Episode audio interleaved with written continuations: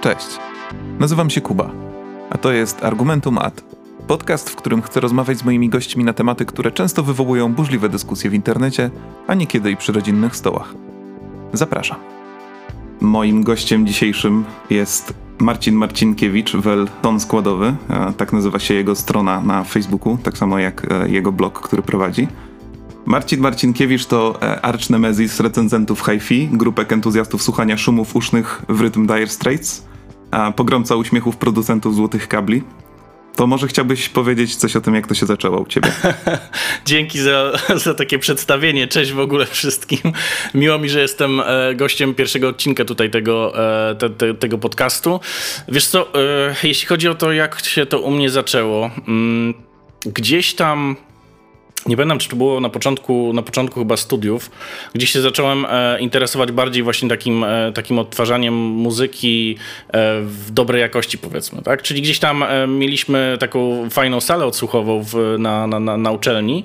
E, tam były jakieś Bauersy, zestaw 5.1, jakaś Yamaha. E, oglądaliśmy tam koncerty. W drugiej sali mieliśmy takie studio, e, studio radiowe, bym powiedział. No i, no i tam stały takie dosyć dobre monitory mm, odsłuchowe. No i wiesz, zauważyłem po prostu, że jest różnica w przyjemności, powiedzmy, ze słuchania e, na takim sprzęcie, a na tym, co miałem w domu. No i zacząłem szukać. No i te poszukiwania moje e, gdzieś tam były powiedzmy bardzo niekon, niekonwencjonalne w, w, porównaniu do tego, co, co, co, co niektórzy ludzie e, powiedzmy stos, stosowali w tamtym czasie, bo to, to, to, to było już ładnych kilka lat temu i pamiętam, że chciałem sobie zbudować system audio w oparciu o komputer. E, wtedy jeszcze nikt nie myślał właśnie e, tak, że wiesz, że można słuchać muzyki w dobrej jakości z plików. To wtedy był jeszcze, że tak powiem, etap, kiedy ludzie myśleli, kurczę, no przecież płyty CD tylko. E, no i gdzieś tam zacząłem rozwijać ten swój system.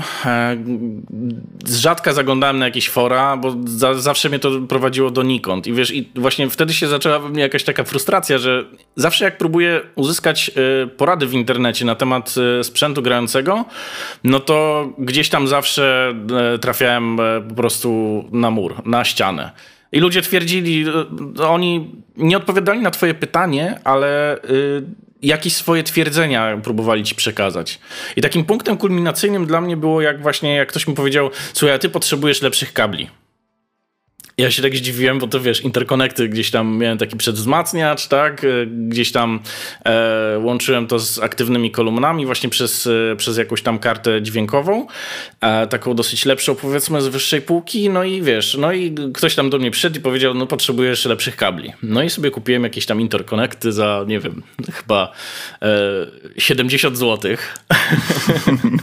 Takie wiesz, grube interkonekty, E, I mi tam właśnie kumpel obiecywał, że kurczę, słuchaj, bas będzie lepszy, średnica, wysokie tony, wszystko wiesz, jakbyś ściągnął kotarę z tego, z e, kolumny.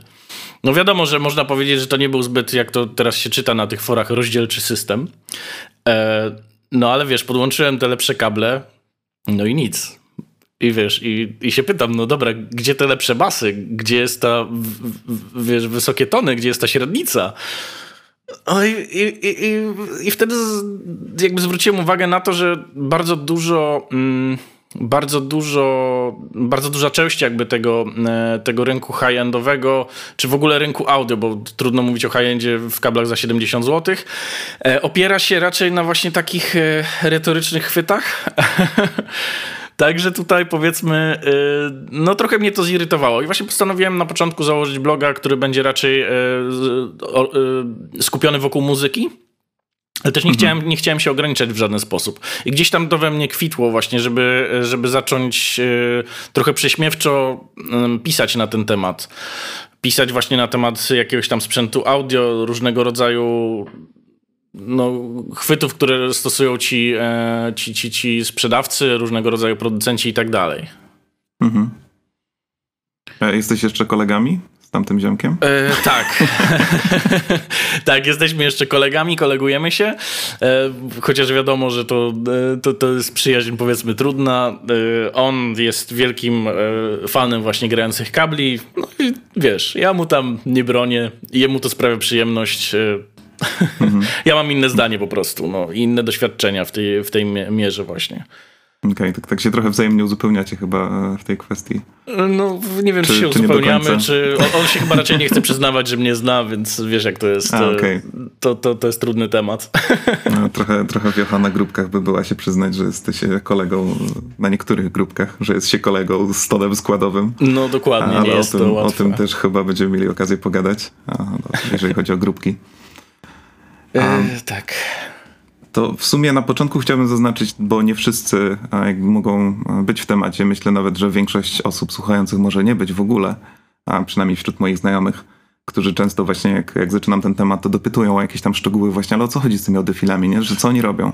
E, no i większość osób, jeżeli już cokolwiek kojarzy, to ten słynny eksperyment, nowinka, gdzie po prostu podmienili e, kabel na drut od wieszaka podwójnie ślepy test, w którym właśnie udowodniono niejako, że e, że ci audiofile nie potrafią rozróżnić w takich kontrolowanych warunkach e, dobrego kabla głośnikowego od, e, od wieszaka.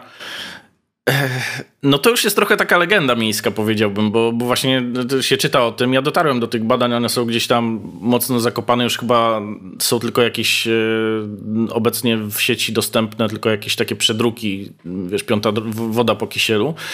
Hmm. E, I te badania są o tyle interesujące, że no po pierwsze jeśli gdzieś byłaby różnica właśnie brzmieniowa między, między mm, kablami, y, to byłyby to właśnie kable albo głośnikowe, albo interkonekty. Raczej głośnikowe ze względu na swoją długość, bo jeżeli, wiesz, jeżeli jakieś e, mogą być na przykład zmiany wprowadzane przez e, e, no jakieś szumy, tak, elektromagnetyczne, jeżeli, nie wiem, mhm. patrzymy na kabel jako, jako na antenę, którą też jest, no to im dłuższy, tym powiedzmy większe te zniekształcenia. Tylko zawsze tutaj jakby problemem jest skala. Tak? Czy ta skala mhm. będzie, czy, czy ten problem, który może istnieć w kablu albo jest właśnie tylko nakreślony w jakiś sposób, e, jest na tyle wyraźny, że możemy go usłyszeć. No i jak się okazało, na, na pewnych odcinkach właśnie równie dobrym e, przewodnikiem może być, może być właśnie wieszak, e, jak i miedziany kabel, czy jakiś kabel audiofilski robiony, prawda, z, przy pomocy no tak, tak, takiego marketingu już srogiego bym powiedział. No właśnie i teraz wspomniałeś coś trochę właśnie o granicy, że jest tak jakaś, gdzieś jest granica zdrowego rozsądku w tym audiofilstwie. A, no ja też nie wiem, czy podzielasz tak ten pogląd, jeżeli chodzi o nomenklaturę, ale dla mnie audiofil niekoniecznie oznacza kogoś, kto właśnie kupuje pozłacane kable USB czy tego typu rzeczy. A tylko mm, właśnie gdzie jest ta granica? Bo możemy dla uproszczenia przyjąć, że na potrzeby tego, tej rozmowy audiofil to po prostu będzie właśnie taka osoba, która wierzy w rzeczy, których no nie da się zmierzyć, które po prostu no, te różnice, które o niej słyszą, nie są wyłapywalne w żaden sposób przez, e, przez sprzęt, nawet laboratoryjny, co, co też e, chyba miałaś okazję sprawdzać, że jeżeli wystąpi już jakaś różnica, no to jest na tyle niewielka, że no, ludzkie ucho nie jest w stanie tego usłyszeć, stąd też e, określenie chyba, a, znaczy nazwa twojego filmiku, że z kamerą wśród nietoperzy, z tego co pamiętam. Miałem taką serię, e, to prawda. E, chwilowo jej nie prowadzę, bo większość w ogóle audiofili mnie e, zbanowała gdzieś tam, ale dostaję jakieś tam zrzuty, co ciekawsze, na, na skrzynce. Jeśli chodzi właśnie o to, kim jest audiofil, Generalnie audiofil to jest, y, no właśnie, u nas się przyjęło, że to jest już taka osoba, która właśnie wierzy w złote kable. E, no nie do końca właśnie. Audiofilia to jest bardzo piękne hobby, które polega właśnie na, na, na tym, że dążysz jakby do najlepszego możliwego odtworzenia e, pliku, e, muzyki, tak jakiegoś nośnika, ale też jakby interesujesz się no nie tylko jakością, ale również sprzętem, sprzętem audio. I w języku angielskim rozróżnia rozróżnia się właśnie dwa, jakby dwa określenia. Jest audio file i jest audio full. No i właśnie u nas wydaje mi się, że brakuje czegoś takiego jak właśnie audio full, e, czyli właśnie ta osoba, która właśnie wierzy w te, e, w te mity, w to audio voodoo. No, znaczy mi przychodzi na myśl to określenie, ale jest niecenzuralne i bez znaczy, sensu było rzucać co chwilę. Ja rozumiem właśnie, bo też podejmowałem pewne próby jakby takiego kulturalnego określenia, bo to nie chodzi o to, żeby kogoś obrażać, tak? No i mm. niestety naj, e, chyba najba, najlepiej się przyjął audiobil, No ale no nie okay. jest to, nie jest to, powiedziałbym, na tyle kulturalne, żeby to, nie wiem, wprowadzać do takiego szerszego obiegu. Audioszur? Audioszur? O, może, może to jest bezpieczniejsze. Audio, audiofoliarz. Audiofoliarz, też, tak. Też, też się takie e, określenia spotyka. No to jest chyba bardziej bezpieczne. Dobra, jeżeli chodzi właśnie jeszcze o, o, o, ten temat, jak się, jak się nie dać zwariować czytając te wszystkie recenzje, mhm. gdzie według ciebie może być taka, chociaż no niekoniecznie musi być to ostra definicja, jak to mówią, tylko taka e, mniej więcej miękka granica, jeżeli ktoś zaczyna sobie szukać, jaki tam dobry sprzęt e, hi-fi kupić. A jaka cena za metr kabla jest jeszcze akceptowalna. Wiesz co, moim zdaniem y, każda cena za metr kabla jest akceptowalna, jeśli ktoś chce sobie po prostu y, sprawić przyjemność. Y, nieakceptowalne jest twierdzenie, że moim zdaniem oczywiście, nieakceptowalne jest twierdzenie, że kable na przykład USB, Ethernet i tak dalej mogą wprowadzać zmiany w brzmieniu. No i nieakceptowalne jest moim zdaniem również twierdzenie, że kable takie powiedzmy analogowe wprowadzają zmiany w brzmieniu, jeśli w żaden sposób y, nie jesteśmy w stanie tego obiektywnie stwierdzić. Także y, jeśli chodzi o kable jako biżuteria, tak.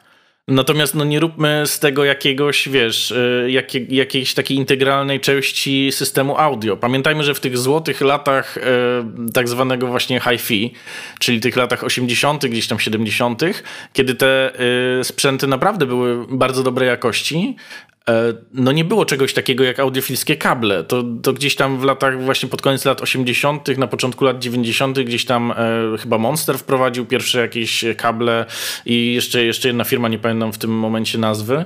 No i oni zaczęli twierdzić właśnie, ubierać już to powiedzmy w taki marketing. E, no i to też jest właśnie jednym z, jedno z moich pól zainteresowań, jakby e, ten marketing wokół, wokół tego segmentu audio w ogóle.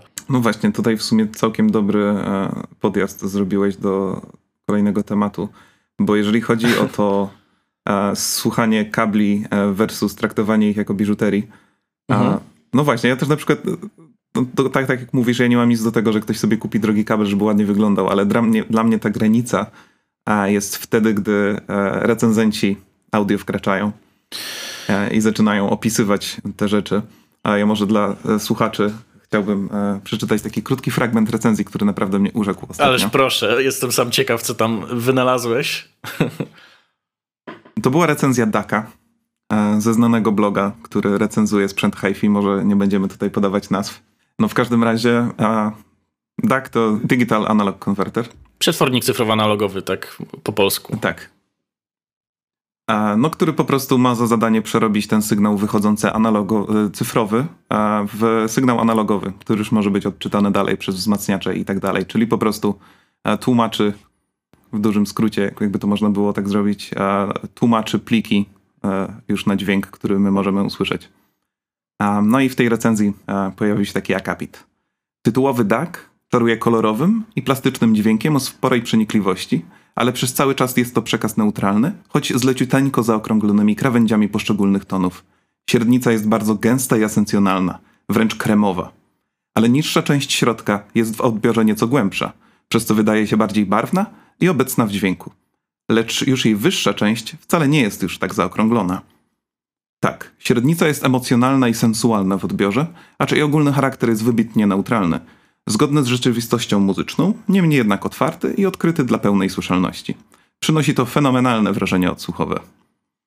No, jak czytam takie rzeczy, Ojej. to mam wrażenie, że autor e, przez wiele, wiele lat spał nad egzemplarzem e, nadniemnej, w sensie z egzemplarzem pod poduszką, a bo myślę, że żaden e, twórca z tamtej epoki by nie pogardził e, tak kwiecistym opisem.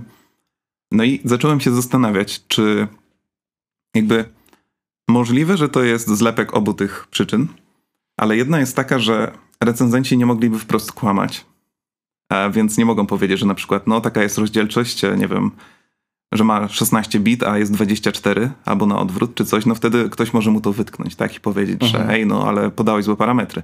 Jeżeli y, ktoś przedstawia recenzję w taki sposób, to tak naprawdę nie da się nic mu udowodnić, bo te słowa, no, one nic nie znaczą. A, no i właśnie to jest to jest jedno, że oni po prostu no, nie do końca wiedzą, co pisać, więc, więc piszą takie rzeczy.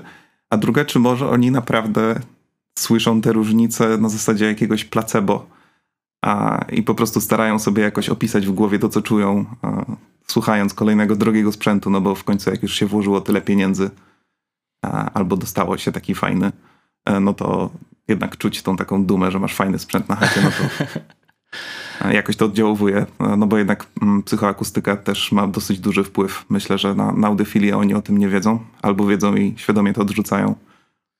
Znaczy, wiesz co, moim zdaniem... Yy...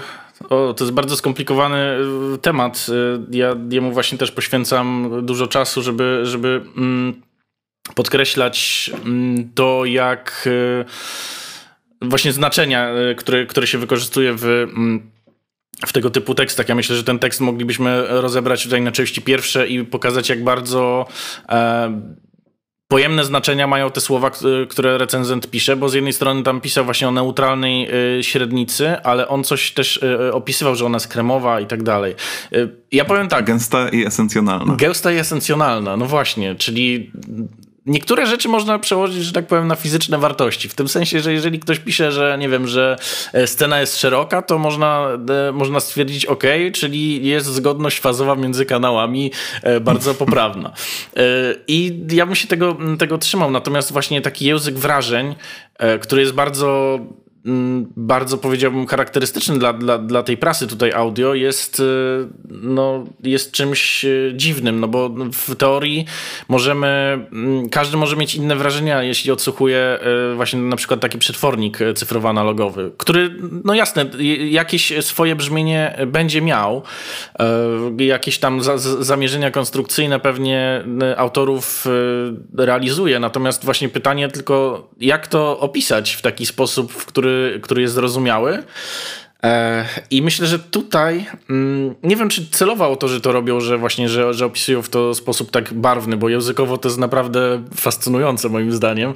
E, te umiejętności językowe mm, twórców są, są, są naprawdę imponujące czasami, natomiast e, właśnie też warto zwrócić uwagę na to, że to nie niesie, bardzo często nie niesie jakiejś informacji za sobą. To jest taka mowa mebel. No bo co to znaczy właśnie, że ta mm, średnica jest esencjonalna, kremowa czy, czy, czy gęsta? No trudno sobie wyobrazić to, prawda? Mhm. E, można, można na przykład, e, właśnie ja kiedyś e, podjąłem taką próbę zrobienia słownika języka właśnie tego, te, tego audiofilskiego. Co się okazało bardzo trudnym zadaniem, bo żeby to zrobić zgodnie ze sztuką, to należy zebrać bardzo dużą jakby porcję, wiesz, porcję danych, tak? Czyli właśnie jedno słowo, jeżeli chcemy, chcemy um, na przykład dowiedzieć się, co to znaczy, że coś jest gęste w języku mhm. audiofilskim, to musimy znaleźć no, przynajmniej kilkanaście, kilkanaście razy wykorzystane to słowo w, i przeanalizować każdy kontekst, w jakim e, to, zostało, to słowo zostało użyte. Mm, no niestety to jest zbyt pracochłonne, żeby, żeby się tym zająć. Ja, ja na to też środków e, nie mam, żeby to w jakiś sposób sfinansować, ale gdzieś tam kiedyś to na pewno zrobię.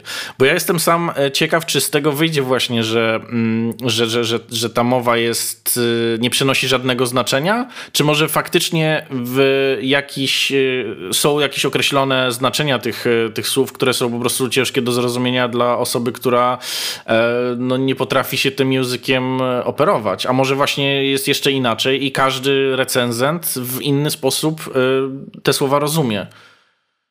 Właśnie o to chciałem zapytać, że pewnie duża jest, y, znaczy większość tej trudności w stworzeniu słownika jest taka, że słowo gęste występuje w dziesięciu różnych, y, zupełnie różnych od siebie kontekstach, nie? I ciężko z tego cokolwiek wyłuskać w momencie, jak oni tym tak rzucają sobie na lewo i prawo. Ciężko, ale będzie, może, może można w jakiś sposób e, połączyć e, to. Na przykład właśnie e, ciężka średnica może być czymś innym niż ciężki bas i wtedy będziemy mieli dwie, wiesz, dwie yy, definicje, które mogą się różnić yy, tylko właśnie, czy problem jest taki, czy czy będzie to różnica w, w pewien sposób stała yy, i wymierna. Mm.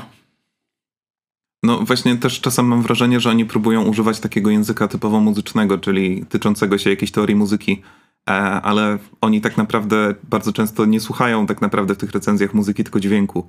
E, więc no można na przykład powiedzieć, jeżeli gra basista i perkusista, że mają, nie wiem, tight groove, czy, czy tego typu określenia, Aha. E, które nie są jakby oficjalnie gdzieś tam opisane w podręcznikach do muzyki, ale każdy będzie wiedział o co chodzi, bo jakby to się od razu odnosi do tego, co człowiek czuje na przykład, albo jak odbiera to, jak oni grają.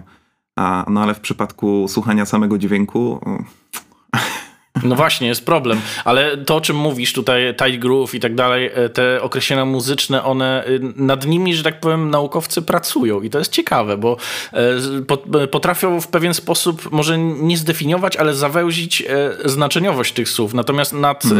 nad znaczeniowością tych słów, że tak powiem, języka audiofilskiego no nikt się nie pochylił jeszcze. I właśnie, teraz pytanie, czy nie pochylił się dlatego, że to jest y, tak niszowy temat, czy może dlatego, że to jest tak złożony temat? A to od tej strony. Mhm. Ale to jakby myśli, że bardzo często oni faktycznie mają już jakąś taką swoją wewnętrzną tą nomenklaturę i oni nawzajem się rozumieją, czy a bardziej to po prostu na każdego może oddziaływać troszkę inaczej, ale oni chcą po prostu takim skomplikowanym zdaniem przekazać jakąś jedną konkretną taką emocję, takie jedno swoje wrażenie. I te pojedyncze słowa to jest tylko, wiesz, jakby taki um, wehikuł tego przekazu, no nie? Że, że nie trzeba Aha. ich tak rozkładać na części pierwsze, tylko oni faktycznie tym zdaniem chcą przekazać konkret i ten konkret jest rozumiany przez tą drugą stronę, nie? Wiesz co, ja się obawiam w ogóle, że to może wyglądać tak, że każdy pod e, danym słowem rozumie coś innego. I to jest chyba najgorszy mój strach, jeśli chodzi właśnie o takie badania nad tym, mm, nad tym bo to też e, coś takiego stwierdzić jest bardzo trudno. W taki sposób właśnie powiedziałbym naukowy. I ja się właśnie tego obawiam, że, że, że, że to może być dla każdego coś, coś innego. Bo to właśnie tutaj e, użyłeś słowa wrażenie i obawiam się, że to jest właśnie taki język wrażeniowy. Czyli, że mhm. każdy ma jakby swój, e, własny, wewnętrzny słownik tego języka. To bardzo często nawet widzimy, jak, e, jak jest dyskusja na temat jakiegoś sprzętu, który powiedzmy jest popularny. Jakaś grupa na Facebooku czy, czy, czy forum internetowe e, i widać e, powiedzmy mamy kilku uczestników jakiegoś pokazu audio i oni będą się dzielić swoimi wrażeniami i tam bardzo często bywa tak, że te zdania będą się różnić. Jeden powie, że bas był szybki, a drugi powie, że no, według niego ten bas był zamulony. I to właśnie może wynikać z tego, że albo my inaczej mm -hmm. słyszymy, albo właśnie, no właśnie, e, czym w ogóle jest słyszenie, to też trzeba, trzeba by zdefiniować, no bo, tak. bo to jest też proces, który, mm, który wymaga pewnego przetworzenia y, takiego, powiedziałbym, y, wrażeniowego. Y, to nie, nie są jakby surowe, surowe dane, także każdy z nas słyszy mm -hmm. inaczej, każdy ma, ma inny narząd słuchu i no też inaczej słyszymy w zależności od, nie wiem, od nastroju, od jakiegoś stanu emocjonalnego. No, to, to zależy od bardzo wielu czynników. I właśnie, no tak jak mówię, jeden ten sam odsłuch, jeżeli po, posadzimy kilku audiofili, oni się będą sprzeczać, czy, czy właśnie czy było tego basu więcej, czy on był szybki, czy on był wolny, czy, czy, czy, czy był jakiś inny, a sprzęt przecież był taki sam, ten sam, nawet nie taki mhm. sam. Jeżeli pojawi się jakiś influencer w tym audiofilskim świecie i powie, że był e, ciasny ten bas, to myślisz, że oni przyjmą jego zdanie po prostu? Wiesz co, ja tutaj widzę właśnie w tym świecie audiofilskim bardzo... Mm, bardzo taką ważną cechę. Oni bardzo, no właśnie ci, ci ludzie audiofile, oni bardzo cenią y, sobie właśnie takich influencerów, powiedziałbym, y, no, takie, y, ojejku, jest takie polskie słowo na to. Y, Teraz mam je na końcu języka. Chodzi mi o no, osoby wpływowe. Jejku, jak to się nazywa?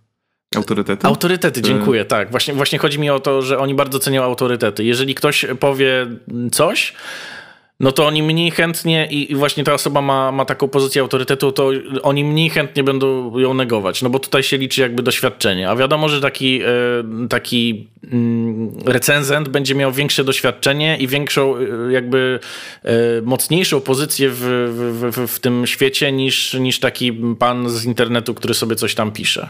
Mhm. To, to daje im taką trochę niebezpieczną moc właśnie. Wiem, że na swojej stronie masz zakładkę Pozwij mnie.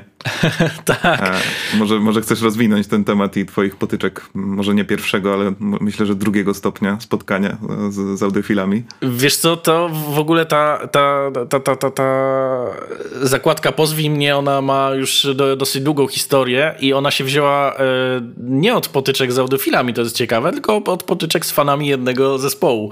E, mianowicie kiedyś w ogóle zrecenzowałem płytę m, mm, takiego zespołu, nazywał się to Jan Gałach Band. E, wiesz, wszedłem po prostu do sklepu muzycznego, zobaczyłem e, okładkę, która była żywcem zerżnięta z kilku, wiesz, e, od kilku, mm, od kilku twórców. To była w ogóle kompilacja logotypu Allman Brothers Band z, e, z okładką Johna Mayera, Born and Raised. I jak to zobaczyłem, zapytałem się go, gościa, przepraszam, te, sprzedawcy w sklepie, przepraszam bardzo, czy to jest to, co myślę? On powiedział tak. No i ja to, wiesz, zrecenzowałem na, na, na, na swój sposób, co niestety nie spodobało się fanom te, tego zespołu i dostawałem e, pogróżki od pewnego znanego dziennikarza, potem dzwonił, przepraszał oczywiście, bo jak to do, doszło gdzieś tam wyżej, e, groził mi, że mnie potnie nawet.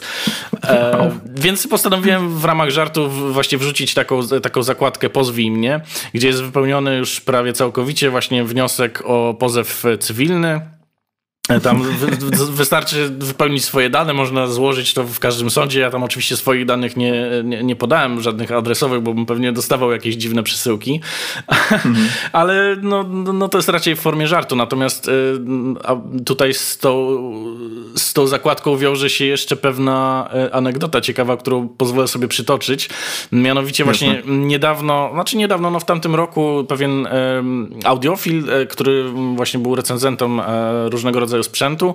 Bardzo mocno zareagował na to, że zacytowałem jego, jego wypowiedź gdzieś tam właśnie na, swoim, e, na, na swojej stronie facebookowej, gdzie recenzował, e, jejku, co to było, kondycjoner masy, znaczy, przepraszam, kondycjoner prądowy za 100 tysięcy złotych. No i on to podłączał do jakiegoś chyba telewizora i z tego co pamiętam to pisał właśnie, że, że w tym telewizorze poprawiła się bodajże morfologia skóry Shreka. No, no to, to coś jakiego jak przeczytałem. Ale poczekaj, bo ta recenzja nie była ironiczna i nie, sarkastyczna nie, nie. wobec to była okay. w 100% e, powiedziałbym, no taka poważna recenzja. No, zdarza się. No, e, autor, to tak, e, autor to tak argumentował, że przecież tego typu sprzętu używają również w szpitalach. Nie wiem, czy to jest prawda, być może jest. I właśnie używają go dlatego, że mm, gdzieś tam poprawia to na, w jakichś tam odczytach z, z, z różnego rodzaju sprzętu medycznego, właśnie koloryt skóry i tak dalej, i tak dalej. No, co wydaje mi się trochę dziwnym, żeby tego typu sprzęt wykorzystywać, skoro można po prostu, nie wiem, ustawienia monitora czy coś, no ale nie wiem, może mm. tak mhm. jest. No i właśnie ten autor bardzo, e, bardzo powiedziałbym agresywnie zareagował na, na ten mój e, tekst na Facebooku i popełnił o mnie e, artykuł. Popełnił o mnie artykuł, gdzie tam oczywiście wypisywał, że jestem, no użył wielu niecenzuralnych słów, w ogóle użył zdjęć, których nie powinien używać, bo to były zdjęcia z internetu, do których po prostu praw e, autorskich ani ja, ani on nie ma. E, no ale postanowiłem się z nim skontaktować i powiedzieć mu, żeby, no, że to, co on robi już jest pomówieniem i tak dalej, e, poprosić go, żeby raczej to ściągnął, niż, niż żebyśmy się targali po sądach. W końcu dostałem od niego, do niego numer telefonu i sobie właśnie zadzwoniłem. Porozmawiałem, bardzo miły, bardzo miły pan. W ogóle świetnie nam się rozmawiało, nie wiem, z trzy godziny żeśmy nawijali. Jak już przestał na mnie krzyczeć i tam mówić, że o, jestem i tutaj sobie wstaw dowolne epitety, e, no to mhm. się właśnie okazało, że, że, że całkiem można z nim porozmawiać. E, I właśnie on mi powiedział, że mm, a propos tej mojej zakładki Pozwij mnie, że w środowisku tym, w którym on się obraca, y, jest, y, istnieje takie, takie jakby zdanie o mnie, że ja to jestem synem y, bogatych prawników, który, który jakby podjudza właśnie audiofilii do tego, żeby ktoś w końcu stracił nad sobą panowanie i wtedy ja go pozwę do sądu i go zniszczę. To, to jest po prostu autentyczna rzecz, którą usłyszałem o sobie. Także no, po prostu bejtuje motyzujesz ludzi, żeby ich potem w sądzie oskubać z pieniędzy. Tak, i on, ja mu tłumaczę, że to jest żart i on nie mógł tego zrozumieć. No, wow. Także no, trudno czasami te, e, dyskutować z ludźmi, którzy no, nie rozumieją twojego poczucia humoru. E, no. Zaznaczam, staram się zaznaczać, że gdzie tylko mogę, że ta moja działalność to jest działalność, powiedziałbym, satyryczna.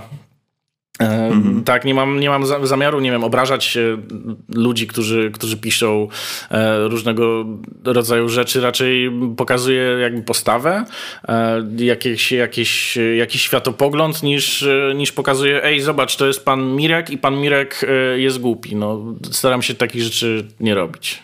No jak już opowiadam właśnie znajomym o takich rzeczach, no to jeden z pierwszych argumentów, który, czy te, też jeden, jedno z pierwszych pytań, które mi zadają, No ale przecież można ich posadzić w podwójnej ślepej próbie. A zrobić taki eksperyment, no i się okaże, czy słyszą, czy nie słyszą. Um, no ja już mniej więcej wiem, jak oni sobie argumentują to, że e, po takim eksperymencie, na którym wychodzi na przykład szansa zidentyfikowania kabla lepszego i gorszego, to jest 50-50, co jest e, po prostu oznaką tego, że no, nie rozpoznają i strzelają mniej lub bardziej. A no właśnie, z jakimi ty się spotkałeś fikołkami, jeśli chodzi o. E, o podwójną ślepą próbę. Ojejku, metoda naukowa. No to jest największy wróg audiofila, powiedziałbym. E, I ta podwójnie ślepa próba, ona nie jest jakby idealna, ale ona ma, y, ma jakby swój cel. I celem tej podwójnie ślepej próby jest wskazanie, czy jesteś w stanie y, w sposób świadomy jakby e, znaleźć różnicę między, między dwoma próbkami. Teraz te próbki mogą przedstawiać cokolwiek. To może być, y, to może być y, nie wiem, na przykład audio w wysokiej rozdzielczości kontra audio w niskiej rozdzielczości. To może być jakiś ton podstawowy dodany gdzieś tam na, na, na jednym kilohercu i sprawdzasz, czy w ogóle zauważasz różnicę. To mogą być rzeczy jakby totalnie zauważalne, ale w pewnych warunkach one mm, one mogą być pomijalne i to, to, to jakby bada nie tyle, czy, czy jesteś w zdanie, jakby czy człowiek jest w stanie coś usłyszeć, tylko czy właśnie dana jednostka, a w zasadzie to już, to już się robi na takim statystycznym e, jakby no, na takiej większej próbie, żeby to miało statystyczne znaczenie, jest w stanie, e, jest w stanie właśnie usłyszeć, e, e, usłyszeć i to już właśnie biorąc pod uwagę to, że to jest informacja przetworzona, daną, daną informację. No i zadaniem osoby, która bierze, bierze jakby udział w takiej podwójnej ślepej próbie jest wskazanie, które próbki były takie same, bo ona ma odtwarzane jakby trzy próbki. I dwie próbki zawsze są takie same i właśnie dzięki temu osoba nie wie, czego słucha y, i właśnie to jest, to jest też jedno z założeń, że nie wiesz, czy słuchasz właśnie plików y, o wysokiej gęstości, czy może plików, które mają przesunięte tą jakąś fazę, czy właśnie dodany jakiś y, szum. Musisz po prostu wskazać, które, które dwa pliki są takie same i właśnie tak jak powiedziałeś, bardzo często zdarza się, że, że, że, że ludzie jakby nie wskazują, no, że wyniki są bardzo losowe. I to może, może wynikać z bardzo wielu e, czynników. To, to nie musi być właśnie to, że coś jest niesłyszalne. E, I właśnie audiofile bardzo często zwracają na to uwagę, że to jakby nie. Yy, nie, nie, nie sprawdza właśnie to, czy, czy, czy, czy dana, dane zjawisko jest słyszalne, a raczej czy dana jednostka jest w stanie to usłyszeć. Tylko właśnie łatwo to obalić, no bo skoro bierzemy do, dosyć dużą próbę, to powinniśmy uzyskać y, wynik, który jest statystycznie ważny. No jeżeli z tych wyników wychodzi, że, że, że, że właśnie powiedzmy przy zmianie kabla głośnikowego jest y, wynik bliski 50%, to znaczy właśnie, że jest, jest to bliskie zgadywanie Oczywiście z pojedynczych jakichś tam e, próbek można wyciągnąć. Jest na przykład takie badanie dotyczące właśnie high-res audio, czyli e, muzyki wysokiej rozdzielczości, e, z którego właśnie mhm. wynika, że, że, że no, większość osób nie jest w stanie odróżnić pliku, nie wiem, na przykład 24-bitowego od 16-bitowego, czyli od takiego standardu CD, ale pojedyncze jakieś tam wyniki osiągały, bodajże jedna, jedna osoba, która brała udział w tym badaniu, osiągnęła wynik bodajże 90 6%. Próg pewności jest od 98, czyli jeszcze tej pewności A, nie było. Okay. Ale można, można uznać, że, że to był wynik na tyle, na tyle interesujący, że można by na przykład powtórzyć badanie. I właśnie mhm. ja bardzo często się spotykam też z takimi argumentami, że e, ta podwójnie ślepa próba, ona jest w ogóle fe i jest krzywdząca dla audiofili, bo oni nie wiedzą, czego słuchają. Na przykład e, jeden audiofil mi kiedyś powiedział, no to słuchaj, powiedz mi, że mam słuchać jitteru, czyli jakiegoś tam, e, to, to, to jest taki rodzaj zakłócenia cyfrowego w sygnale, wynikającego z tam przesunięcia czasowego jakby niestabilność zegara. Mhm. Brzmi to bardzo jakby jest to bardzo trudne do, do wychwycenia, ale możemy to przecież zmierzyć. E, tylko właśnie pytanie, czy możemy to usłyszeć. Na pewnym poziomie oczywiście, ale no właśnie na takim mhm. poziomie, na którym to występuje normalnie w odsłuchu, no to nie do końca. E, ale audiofile twierdzą, że jeżeli osłuchają się dostatecznie właśnie z sygnaturą brzmieniową jittera, jakkolwiek ona by miała brzmieć, ale załóżmy, że ją słyszą, e, to będą w stanie właśnie w takiej, w takiej ślepej próbie to mm, jakby wykazać przekazać, tylko właśnie to, Okej. to, to, to się mija jakby z założeniem tej podwójnie ślepej próby. Inne tłumaczenie, jakie słyszałem, to jest na przykład, że a to za długo trwa, mi się nie chce. Y, Mam takiego, mam takiego jednego mojego, e, powiedziałbym, ulubionego audiofila, który jest To takie, naprawdę... że uszka mi się zmęczą i nie będą słyszeć na koniec? Będę taki biedny? Tak, no bo, no bo te, te próby naprawdę, one bywają wyczerpujące, bo tam możesz e, siedzieć wieloma, e, wie, wiele godzin i słuchać w skupieniu, dlatego trzeba te badania też w taki sposób e, przeprowadzać, żeby no, po prostu człowiek się nie zmęczył. I to, I to jest jedna z trudności tych badań. Natomiast właśnie znam jednego, jed- jeden z moich ulubionych audiofili twierdzi, że może mm, usłyszeć e, pięciogroszówkę pod twarz, odtwarzaczem CD po prostu postawioną gdzieś tam, ale jemu się nie chce tam tych podwójnie ślepych prób, no bo po co to tam? Przecież wszyscy wiedzą, że on to słyszy, no i tyle. I on ma swoją rację, jego jakby nie przegadasz. Nie przekonasz go do tego, chociaż no e, James Randi Niedawno zmarły bardzo, e, bardzo mi bliski, e, jak bliski mojemu sercu sceptyk. E, Nawet ustanowił nagrodę mm, właśnie dla osób, które będą w stanie odróżnić dwa kable głośnikowe w kontrolowanych warunkach. E, Ta nagroda wynosiła milion dolarów, nawet by, byli znani recenzenci do tego zaproszeni, no ale nikt się próby nie podjął, co też o czymś jakby świadczy. No właśnie, tutaj wchodzimy trochę w takie e, tematy odkrywania zakrytego, jak ja to lubię tak nazywać. E, Mhm. Tutaj jakieś takie rzeczy, które no nie wszystko jest wytłumaczalne nauką i tak dalej. Bardzo często widzę, ta, widzę takie, Ach, takie tak. w cudzysłowie argumentacje, że mm, no dobrze, ty uważasz, że to nie będzie miało żadnego wpływu, a, ale ja po prostu to słyszę, tak? I teraz udowodnij mi, że ja tego nie słyszę. No i właśnie to jest trudne. Ale mów, mów, przepraszam, przerwałem ci. No, spoko. E, Chciałem tylko właśnie mówić, że no jedyny sposób, e, żeby udowodnić, że ty tego nie słyszysz, to są właśnie te ślepe próby, których oni nie chcą się podejmować, e, ponieważ są fe i się zmęczą. Ja też właśnie słyszałem kiedyś taką argumentację. Mhm. Ciężko jest mi ją w ogóle przedstawić, bo ja czytałem, e, znaczy właśnie, czytałem taki, taką wypowiedź e, i przeczytałem ją chyba z 10 razy, zanim w ogóle zacząłem kumać o co chodzi, ale to Mhm. się sprowadzało mniej więcej do tego, że e, oni się do czegoś, oni się na coś nastawiają, że jakby oni mają nasłuchiwać pewnych zmian, Tak.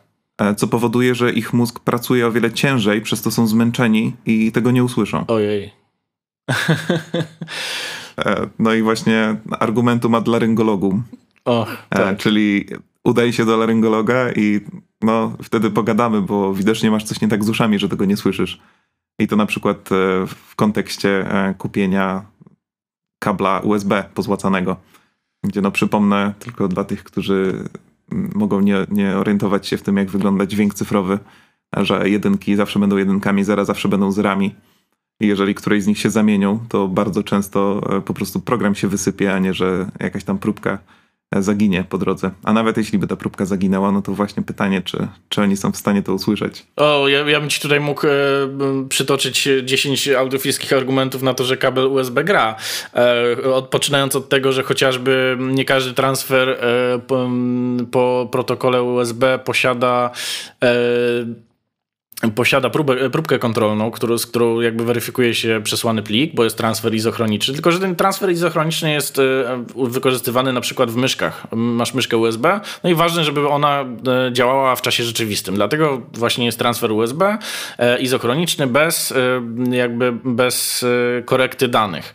No ale jeżeli się zgubi właśnie 0,1, e, jakieś 0,1 i tak dalej, no to nie usłyszysz, nie wiem, po mm, jakiejś zmienionej sceny muzycznej, czy, czy, czy, czy jakiejś innej intonacji, e, tylko co najwyżej bardzo krótką przerwę w odtwarzaniu, co można na przykład zauważyć, jeżeli będziesz, nie wiem, e, potrząsał bardzo mocno e, odtwarzaczem CD pracującym, no to wtedy właśnie jest, będzie taka przerwa, no i dokładnie tak samo jest w kablach USB. E, Ale tutaj też wchodzi właśnie marketing znowu. E, Już tyle opisów kabli USB, dlaczego one działają, widziałem, że nawet nie wiem od czego by zacząć. E, No, są takie czasami właśnie E, absurdalne wręcz e, wyjaśnienia, typu ostatnio się właśnie spotkałem, e, ktoś mi opowiadał, jak, jak mu właśnie tłumaczył jeden z producentów kabli USB, jakiego magiczny kabel ma działać. I on miał, miał metal, który był wykorzystany jakby do, do, do, do stworzenia przewodnika tego, tego kabla, miał mieć jakąś domieszkę, która miała spowalniać dane, które, które docierały do, do, do właśnie urządzenia, do odbiornika, dzięki czemu bufor się zapełniał dużo bardziej równomiernie i miało to wpływać właśnie na to, że jakby na większą poprawność e, przesyłu danych w transferze izochronicznym. No brzmi to przepięknie, Aha. tylko że z, rzeczywistością to nie ma hmm. nic wspólnego, bo założę się, że gdybym prze, przeprowadził testy zwykłe przesyłu na, na takim kablu, to by wyszło, że on wcale nie spowalnia żadnych e, transferów, chyba że jest niezgodny z, ze standardem USB, no ale to jest zupełnie coś innego. No hmm. i właśnie. No, no i też tak? W sumie każdy bufor, e, jakby każde urządzenie, które czyta dane cyfrowe ma taki bufor w sobie, no nie? Tak, musi mieć taki drogą. bufor, musi mieć taki bufor, mimo że ludzie będą twierdzili, że nie, że mój odtwarzacz CD nie ma. E, otóż ma. Może mieć bardzo krótki bufor, ale zawsze będzie go miał. Mhm. Tak może, żeby też troszkę nakreślić e, lejkom, chodzi o to, że e, zakładając, że odtwarzamy plik albo słuchamy czegoś po sieci, no to sieć działa w taki sposób, że wysyła pakiety. No i jeżeli pakiet zostanie wysłany, to on też na miejscu jest sprawdzony, czy jest prawidłowy i dopiero ten dźwięk się odtworzy. To w taki sposób na przykład no Spotify, tak? Uh-huh. A Tidal, a tego typu serwisy streamingowe. Natomiast jeśli chodzi o streamowanie po USB, czyli przekazujemy dźwięk ze swojego komputera do DACA, czyli tego urządzenia, które tak kwieciście było wcześniej opisane, no to E, DAC przetworzy nam ten dźwięk już na sygnał, ale sygnał jest po prostu strumieniem, który jest ciągły i właśnie nie ma tych, tych pakietów, które są sprawdzane. Dlatego mogą się po prostu pojawić takie e, kliki przy, przy już bardzo słabej jakości e, sygnale albo przy jakichś problemach z buforem. No natomiast jeżeli on będzie przekazywał dźwięk poprawnie, no to jedynki wciąż będą, będą tymi samymi jedynkami, zera nie będą bardziej okrągłe. Otóż Też te jedyneczki to. nie będą bardziej szpiczaste a no po prostu dźwięk będzie płynął albo nie będzie płynął. Dodajmy tutaj, że transfer jakby cyfrowy został właśnie mm, zaimplementowany, e, wprowadzony do, do, do, tego świata audio, żeby mm, jakby zniwelować e, wpływ czynników e, zewnętrznych na, na, na, sygnał. No bo na sygnał analogowy możemy wpłynąć, co, co, co wiedzą na przykład realizatorzy koncertowi, którzy pracują na setkach metrów kabli, jeśli nie na, nie na kilometrach. Są to również metody niwelowania jakichś tam szumów w warunkach scenicznych, ale mm, ale jednak y, ten przesył cyfrowy został właśnie wprowadzony po to, żeby, żeby jakby wyeliminować wszystkie zmienne. Sygnał do, dokładnie taki sam, jak y, jest na urządzeniu wejściowym, y, pojawi się na urządzeniu wyjściowym. Jeżeli mamy przetwarzanie jakieś cyfrowe, no to wtedy już mogą się pojawić różnice, ale no to nie będzie po, słyszalne jakby po jednym przetworzeniu, tylko raczej po 50 i wtedy usłyszymy jakby degradację mhm. brzmienia, no ale to też jest zależnie właśnie na przykład od jakości Y, przetwornika cyfrowo-analogowego i analogowo-cyfrowego, który, którym przetwarzamy te, e, mhm. te sygnały. To taki odpowiednik mema, który jest po prostu przeklejany przez 10 różnych serwisów i w końcu wygląda jakby ktoś go całego rozmazał Dokładnie. pod wodą. E, no tak, tylko że właśnie e, no kompresja obrazków jest o wiele silniejsza niż, niż w przypadku takich strat cyfrowych audio. No i tutaj też Aha. zauważmy, że jeżeli przesyłamy tak obrazy, to tam najczęściej jest zmiana formatu. Zapisujemy no JPEGa tak. w, w, gim, w, jakimś tam GIFie, potem ktoś w PNG zapisuje i właśnie dzięki tej, tej zmiany, e, zmianie tej konwersji cyfrowej e, następuje ta degradacja. No ale nie usłyszysz tego, jak nie poszedłeś do laryngologa. O, laryngolog ci jakby zbada, czy masz prawidłowe słyszenie bodajże do 8 kHz. Jeżeli nie słyszysz 8 kHz, to albo masz 120 lat. Bardzo źle. Dokładnie, albo masz 120 lat, albo jest już bardzo, bardzo, bardzo źle. No, ogólnie w tym świecie e, polecenie komuś udania się do laryngologa to jest najgorsza obelga. To jest takie już grobowa Gdybyśmy żyli jakieś 100 lat temu, to jakby jeden tak do drugiego powiedział, to następnego dnia już by honorowo musiał się z nim umówić na, na pojedynek, na jakieś rewolwery czy coś w tym stylu, bo... Tak, dokładnie. To jest zniewaga najgorsza. E, przedtem jeszcze są... Plamia honor jego i całej rodziny. tak, przedtem jeszcze są jakieś właśnie obelgi, e, zazwyczaj ad personam, że a taki powiedziałbym poziom niżej jest coś w stylu albo ty masz za małe doświadczenie. O, to jest, jest też standardowy jakby argument, że no ja mam większe doświadczenie, ja słyszałem więcej tego sprzętu i ja wiem o czym mówię. I to jest taki argument pierwszy, który się pojawia taki ad personam. A potem właśnie już jest idź do laryngologa albo już gorzej, już lecą niecenzuralne słowa. No i też bardzo często pojawia się e, argument o kup sobie sam i potem się wypowiadaj, bo nie słuchałeś, a myślisz, że to nie ma sensu. Czyli to właśnie w przypadku na przykład lepszego czy gorszego kabla o, tak. USB, czy w ogóle zasilającego, co jest już chyba w ogóle osobnym koszykiem tematów samym, samym w sobie. Tak, tak, a, tak. Tylko, że najbardziej mnie bawi to, że oni często tak mówią o kablach, które na przykład kosztują, nie wiem, 10 tysięcy złotych. No i teraz każesz losowej osobie w internecie, nieważne czy ona jest realizatorem dźwięku zawodowym, czy zjadła zęby po prostu na pracy w studio, a jeżeli on jest zdroworozsądkowy, to po prostu nie wyda 10 tysięcy na kabel. A więc no, logiczne jest dla tej osoby, która broni swoich racji, że jeżeli powie, o kup sam i wtedy się wypowiadaj, to no, dokładnie wie, że przecież ta osoba tego nie kupi i się nie wypowie, więc automatycznie jest wygranko, nie?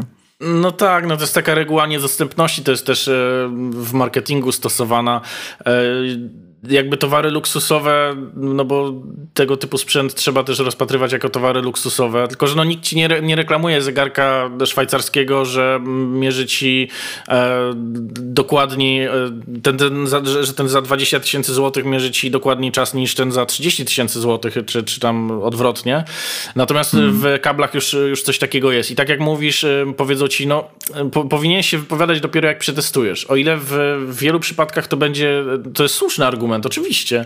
To w niektórych tak, przypadkach tak. to nie ma jakby kompletnie zastosowania, no bo mm, no, teoria, i tutaj rozumiem też argument, że no, teoria przecież nie musi się pokry pokrywać z praktyką, no ale teoria e, jakby elektrotechniczna, tak, przetwarzanie sygnałów i tak dalej, my ją doskonale znamy. W, w, mówiąc my, mam na myśli tutaj dorobek jakby naukowy ludzkości. Nie, nie że ja znam e, jakby w 100% pod, mhm, elektrotechnikę. Jasne. I jesteśmy w stanie przewidzieć, co, czy, czy coś ma sens, czy, czy coś tego sensu nie ma. Jeżeli y, jest różnica, no to wykaż ją w ślepym teście. Jeżeli y, jest różnica, no to w sposób obiektywny to y, zmierzymy. Zmierzymy to na przykład mikrofonem pomiarowym, zmierzymy to na analizatorze widma. Są setki instrumentów, które są dokładniejsze niż nasz słuch i nie są, pod, jakby nie poddają się sugestii. I myślę, że im bardziej powinniśmy ufać, no bo wiadomo, y, ktoś może mm, e, ktoś może być y, jakby zachwycony tym, że kupił kabel za 10 tysięcy złotych, czy, czy, czy za jak, jak, dowolnie inną sumę. I już samo mhm. to y, wpływa na to, czy, czy, czy on będzie słyszał, że to jest lepsze, czy nie. No właśnie tutaj wchodzi ta kwestia, że no ja jestem na sporej ilości grup mhm. dla audiofilii szeroko pojętych, ty też zapewne. E, chodzi mi o grupy na Facebooku mhm. przede wszystkim, bo myślę, że to jest największe gniazdo ty, takie, takich e, przeróżnych fikołków myślowych popełnianych przez ludzi. Ale no bardzo często można zauważyć po tych zdjęciach, po nawet zachowaniu tych osób, ja też nie chcę wchodzić w jakąś tam psychoanalizę i tak dalej, mhm. bo to może być trochę nie w porządku, ale mimo wszystko widać, że na przykład e, no ktoś sprzedaje sprzęt, co się bardzo często zdarza na tych grupkach, sprzedaje ten sprzęt powiedzmy za 30-40 tysięcy złotych i no i widać, że po prostu jest jakiś wypasiony. Mhm. No ale to wszystko stoi na tle jakiejś starej meblościanki w pokoju, który jest zupełnie niezaadaptowany akustycznie. O, tak. A, no i pierwsza myśl, która się nasuwa, no to po prostu ten słynny Nowobogacki, czyli to ktoś nagle się wzbogacił. Może już wcześniej bardzo lubił słuchać wysokojakościowej muzyki, ale jak dostał ten zastrzyk gotówki, no to jednak szuka, co jest najdroższe, co mogę dostać najdroższego za te pieniądze, które mogę przeznaczyć na sprzęt. Um, no i myślę, że to jest taki pierwszy krok do wpadnięcia w tę pułapkę tak naprawdę. No bo pewnym, jakby do pewnego progu, oczywiście kupisz słuchawki za dychę, no to słuchawki za stówy będą brzmiały super lepiej. Mhm. A jak kupisz e, między stówą a tysiąc, no to też będzie bardzo duża różnica, myślę. A w większości przypadków przynajmniej. E, natomiast słuchawki od, nie wiem, 5 tysięcy za 20 tysięcy, no to tutaj już powoli zaczynamy wchodzić właśnie na ten grząski grunt, no nie? Bo różnica będzie, ale nie będzie aż tak drastyczna. One będą inne, A. ale nie będą lepsze albo gorsze. To jest coś też, no co, ja, co, co ja bardzo często powtarzam. No i właśnie ten, to takie pakowanie pieniędzy w ten sprzęt i troszeczkę jak przeglądam te grupy, to mi się czasem robi smutno. Znaczy wiesz co, na, na, najdziwniejsze jest to, że, y, że oczywiście ja rozumiem y, pasjonatów, którzy wydają wszystkie swoje oszczędności na, na swoją pasję. To, to jest w ogóle y, coś, coś mega ciekawego i mega fajnego. Natomiast właśnie wcześniej zapytałeś, gdzie jest ta granica i myślę, że granica jest tutaj, gdzie zaczynają się gubić priorytety. E, są pewne rzeczy, które mm, będą jakby dawały większy, lepszy mm, rezultat niż inne. No, na przykład właśnie zaadaptowanie e, akustyczne pomieszczenia. Jeżeli myślisz o tym w 100% e, poważnie, jest dużo lepszym rozwiązaniem niż kupowanie kabli. Hmm. Bo to po prostu da wymierne efekty i no ja znam przypadki, gdzie ktoś się chwali, że no na co mi adaptacja akustyczna, właśnie mam piękną meblościankę i tak dalej, to już mniejsza o to, ale wydałem 300 tysięcy złotych na kable, więc po co mi adaptacja akustyczna? Albo jeszcze no. gorzej, znam, znam przypadki, gdzie ludzie mają naprawdę piękny zestaw, e, piękny zestaw audio, świetny sprzęt e, i, i w końcu jakby dojrzewają do tego Mm, do tej decyzji, żeby sobie zrobić tę adaptację akustyczną, i niestety robią to na oko, że tak powiem. Czyli a tutaj w mhm. rogu postawię pułapkę basową, a tutaj jakieś takie widzę fajne panele, to sobie walnę gdzieś tam. A gdzieś czytałem na forum, że trzeba pierwsze odbicia zniwelować, e, to poczytam sobie jeszcze jak to, jak to zrobić. I to jest jedyna wiedza jakby, która, która wpada. A reszta, mhm. jest, e, reszta jest e, robiona na oko. I znam też przypadki ludzi, którzy po prostu przegłuszyli swoje pomieszczenie albo inaczej zaadaptowali je, no bo adaptacja musi być no, jakby do warunków jakichś, tak, zastanych. E, to no na, tak. na podstawie pomiaru jakiegoś można, można robić. E, tak, zatrudnia się najczęściej po prostu firmę e, albo jakiegoś akustyka, który przychodzi, robi pomiary i mówi, ok, masz problem z częstotliwością taką i taką, możemy ją zniwelować, ustawiając taką, taki ustrój akustyczny w tym miejscu. E, no i wtedy to ma jak, jak najbardziej sens. No ale jeżeli kupujesz na, na oko sobie właśnie jakieś tam, e, jakieś tam ustroje akustyczne, no to skończysz, e, z, możesz właśnie skończyć z tym, że będzie brzmiało gorzej niż, niż było. I właśnie ten, ten przykład, o którym mówię tutaj, te, takiego znanego mi audiofila, mm, no on tak zrobił, właśnie kupił sobie tak dosłownie na oko jakieś e, byle droższe adaptacje akustyczne, poustawiał, stwierdził, cholera jasna, no nie brzmi to. No i teraz wszystkim się chodzi po tych forach i mówi, że właśnie, że ta e, akustyka to jest w ogóle bez sensu, że lepiej sobie kupić lepszy wzmacniacz. Bo on sobie zepsuł, no to wszystkim innym też zepsuje, lepiej nie ryzykować. No dokładnie, to jest właśnie takie, takie podejście. No. No ja ogólnie wychodzę z założenia, że w 50% słucha się pokoju, a w 50% głośników. Yy, tak, jeżeli... A, tak na dobrą sprawę. Jeżeli mamy stereo, no, To tak. są rzeczy, które muszą być ze sobą zgrane dobrze po prostu. W zależności też od zastosowań, bo no inaczej się zaadaptuje studio nagraniowe, inaczej studio, gdzie się miksuje, a inaczej pokój odsłuchowy. Też prawda. Jakby on ma brzmieć jako fan, mhm. a, no, a nie sterylnie. No chyba, że ktoś lubi i dla niego fan to jest sterylnie, no to też wtedy nie ma z tym problemu. Nie, no jasne. No ale właśnie, jak ktoś, jak ktoś przedobrzy, no to niestety no to trochę jakby z gotowaniem, nie? że ktoś tam przeczyta, że o, sól poprawia smak i potem wsypie tam kilogram soli, no to no niestety twoja zupa nie będzie lepiej smakowała, im więcej dodasz.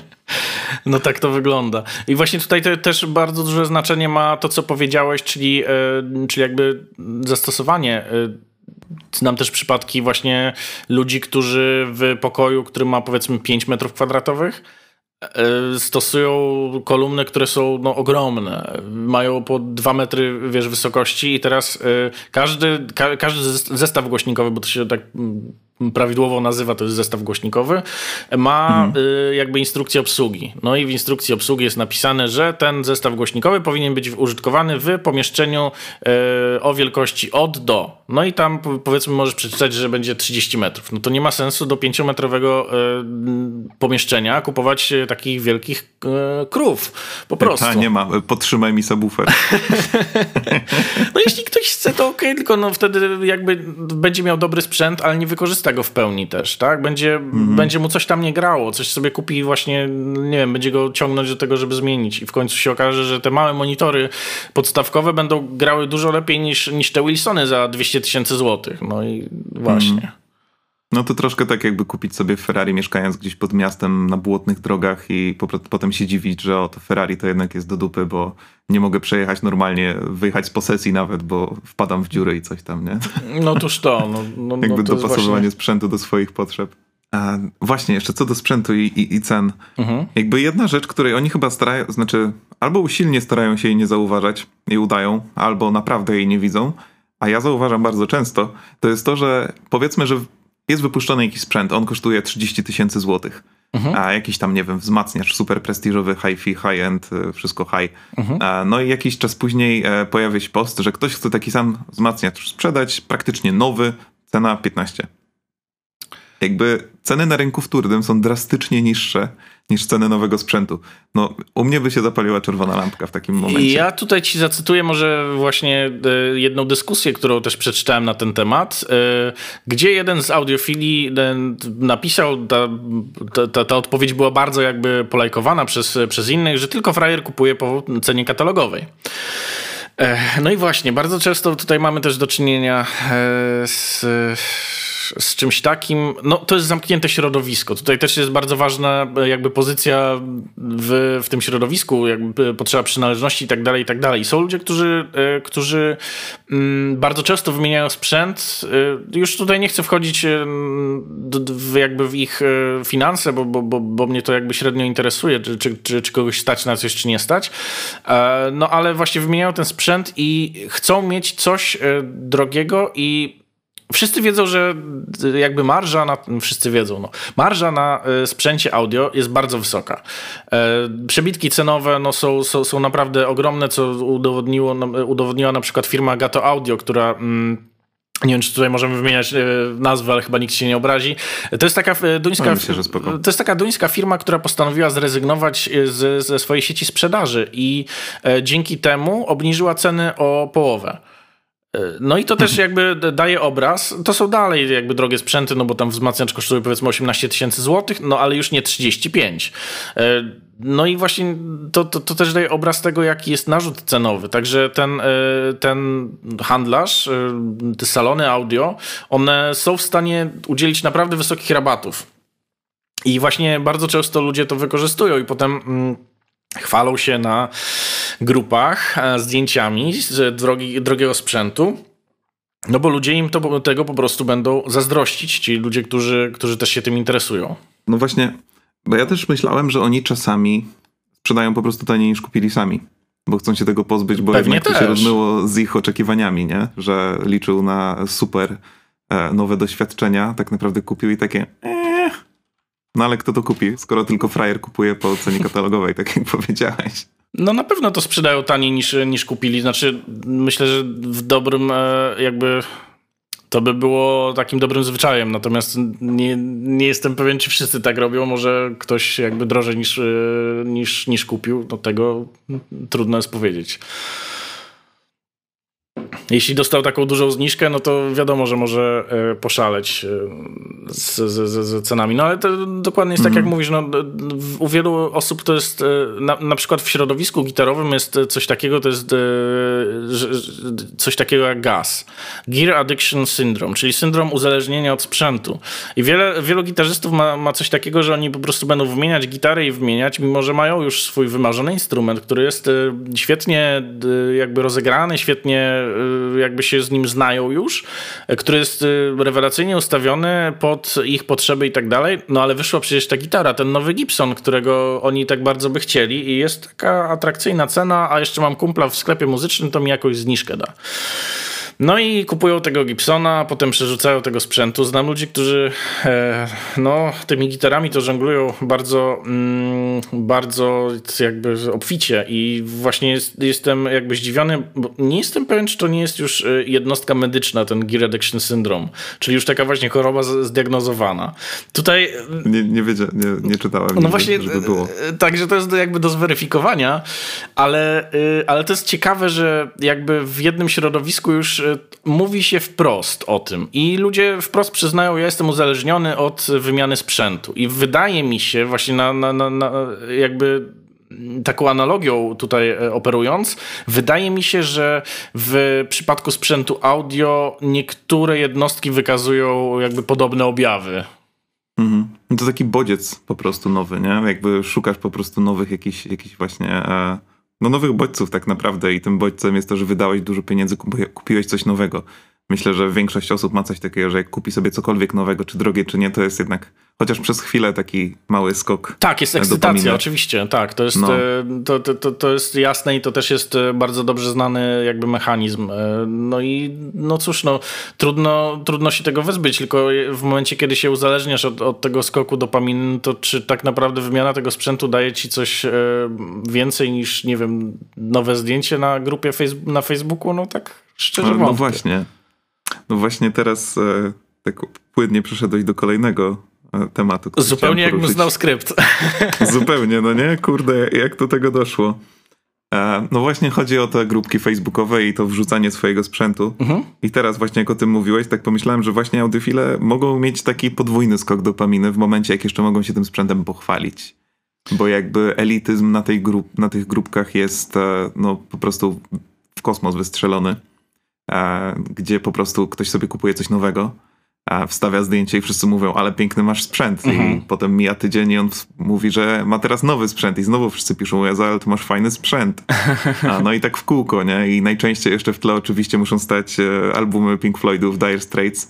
Tak. A najlepiej jeszcze jak w pokoju odsłuchowym znajduje się osobny stoliczek na cygaro i whisky. Whisky oczywiście.